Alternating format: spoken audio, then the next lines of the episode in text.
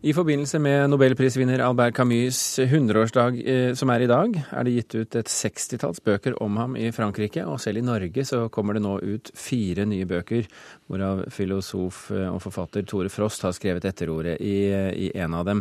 Tore Frost, velkommen til Kulturnytt. Tusen takk. Det er 100 år siden Albert Camus ble født i fattige kår i Algerie av en mor som selv var analfabet. Hvorfor kommer det ut så mange bøker om ham nå 100 år etter? Ja, det kan du jammen spørre om, men det tror jeg nok har noe å gjøre med den intensiteten som eh, f.eks. folk av min generasjon alltid har hatt for eh, og med Camus. Han, eh, han, var utrolig spennende. altså På mange måter. Jeg kan jo se selv at da jeg ble en, Jeg var 17 år i 1960 da Camus døde. Og det var vel det mest skjellsettende jeg hadde forholdt meg til inntil da. Mm. Camus' brutale død i en eh, bilulykke i ja. 1960. Og så, og så, ble det Bob Dylan. Og Camus og Bob Dylan har liksom fulgt meg gjennom hele livet. Og det har vært så nært knyttet til måten mitt indre liv har utviklet seg på, at jeg har skrevet veldig lite om eh, begge. Og nå så plutselig ser jeg nå er lysten der til å gjøre en masse ut av denne lidenskapen. Ja. Eh, han fikk jo Nobelprisen i litteratur.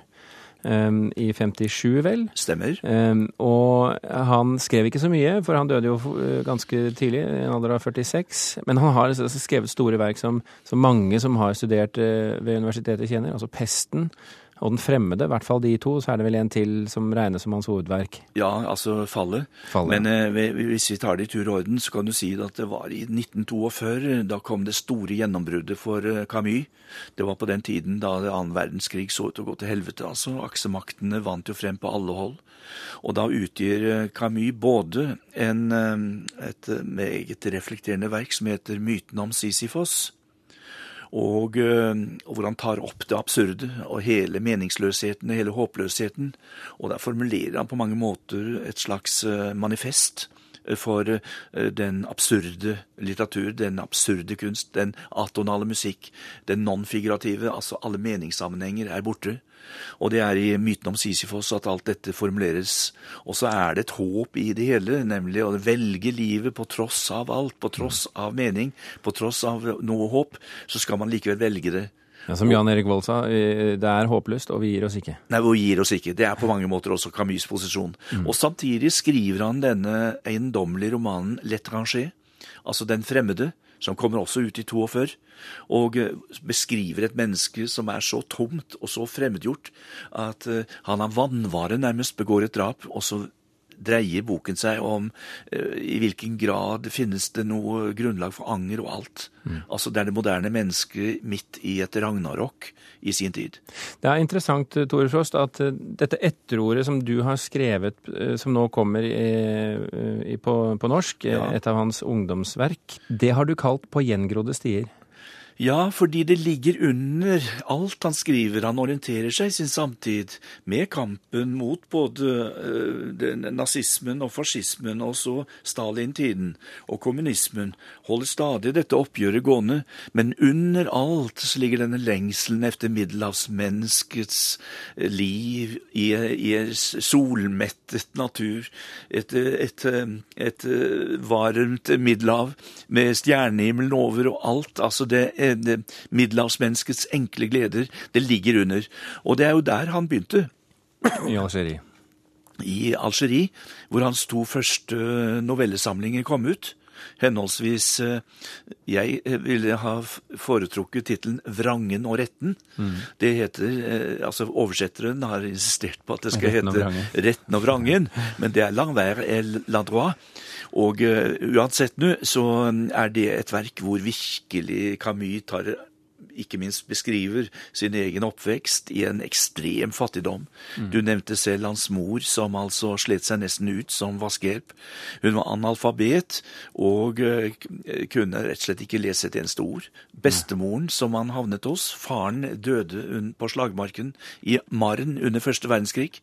Mm. Og uh, da levet han opp med sin mor, da, som, som nærmest slet seg ut, og bestemoren, som var altså en tyrann og en heks av en kvinne, og som nærmest pisket ham frem altså, mm. med, i oppveksten.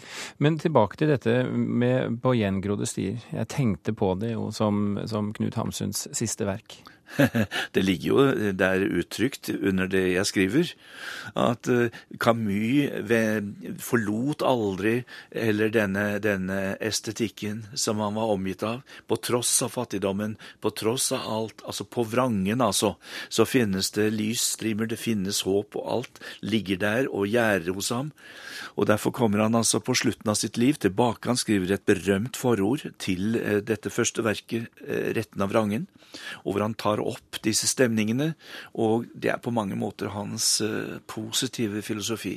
Mm. Dette å kunne vende tilbake til det enkle menneskets uh, helt uh, prim primitive, holdt jeg på å si, elementære gleder. Men, men han, han, leses jo fremdeles kanskje litt forskjellig fra land til land? Ja, men det er på grunn av at Camus han ville aldri binde seg til noen ideologi. Altså, han eh, kunne ikke tas til inntekt eh, for noe annet enn denne enkle eh, livsfilosofien knyttet til middelhavsmennesket. Og han avslutter på mange måter sitt verk med, med nobelprisen i 1957. Og så, da han så meningsløst omkommer under denne bilulykken, så finner man altså 144 sider av et verk under utgivelse. Det bearbeider hans datter Katerin, og det kommer ut under tittelen Le Premier om, altså det første mennesket. Mm. Og eh, der er det over, han, over, 30 år etter? Ja, men der trekker han konklusjonen fra de første novellesamlingene, altså eh, Retten av vrangen og Bryllupsfester. Så trekker han nå det hele tilbake til dette enkle liv ved middelhavsmennesket. Og så slutter han der. Og så vet vi at han sier eh, mitt forfatterskap er ennå ikke for alvor begynt. Ja. og diskusjonen senere har jo rullet og gått om hva var det Camus egentlig skulle komme til å skrive, og det får vi aldri vite. Nei, Men du spekulerer litt i etterordet? Jeg gjør det, vet du. Og eh, jeg tror at han ville blitt en sterk talsmann i vår tid eh, for menneskerettighetene. Og ikke minst vært opptatt av slike ting som verdighetsgaranti for alle mennesker, uten unntak. Altså verdighet Altså et, et, et, et, altså et menneskerettighetsfundament. Altså på tvers av alle ideologier, på tvers av alle religioner, på tvers av alle nasjonaliteter osv. Hvordan begrunner du dette? Ja, Det er mer eh, Camus' eh, humanisme. Altså denne ekstreme kampen eh, for de fattigste, for de mest sårbare, for de som holder seg på å gå til grunne. I dem ser han Sisyfos menneske. Mm. Og dette Sisyfos-mennesket, det er lykkelig så lenge dette mennesket ikke gjør seg til offer for sin egen skjebne.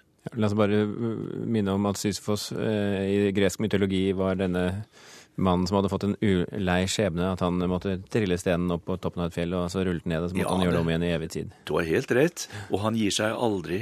Han, han, stenen triller ubønnhørlig ned, og han går ned og, og tar byrden på seg. Og Sisyfos-mennesket er nettopp som hin Sisyfos, dette mennesket som aldri gir opp. Mm. Det er håpløst. Der, der, ligger på en måte et program for det absurde. Ja, vi gir oss aldri. Det er mulig Nei, vi gir oss aldri. Nei, vi må gi oss Tore Frost. Ja, men det var hyggelig med en samtale om Camus. Ja, Tusen hjertelig takk for at du kunne være med i Kulturnytt. Selv takk skal du ha.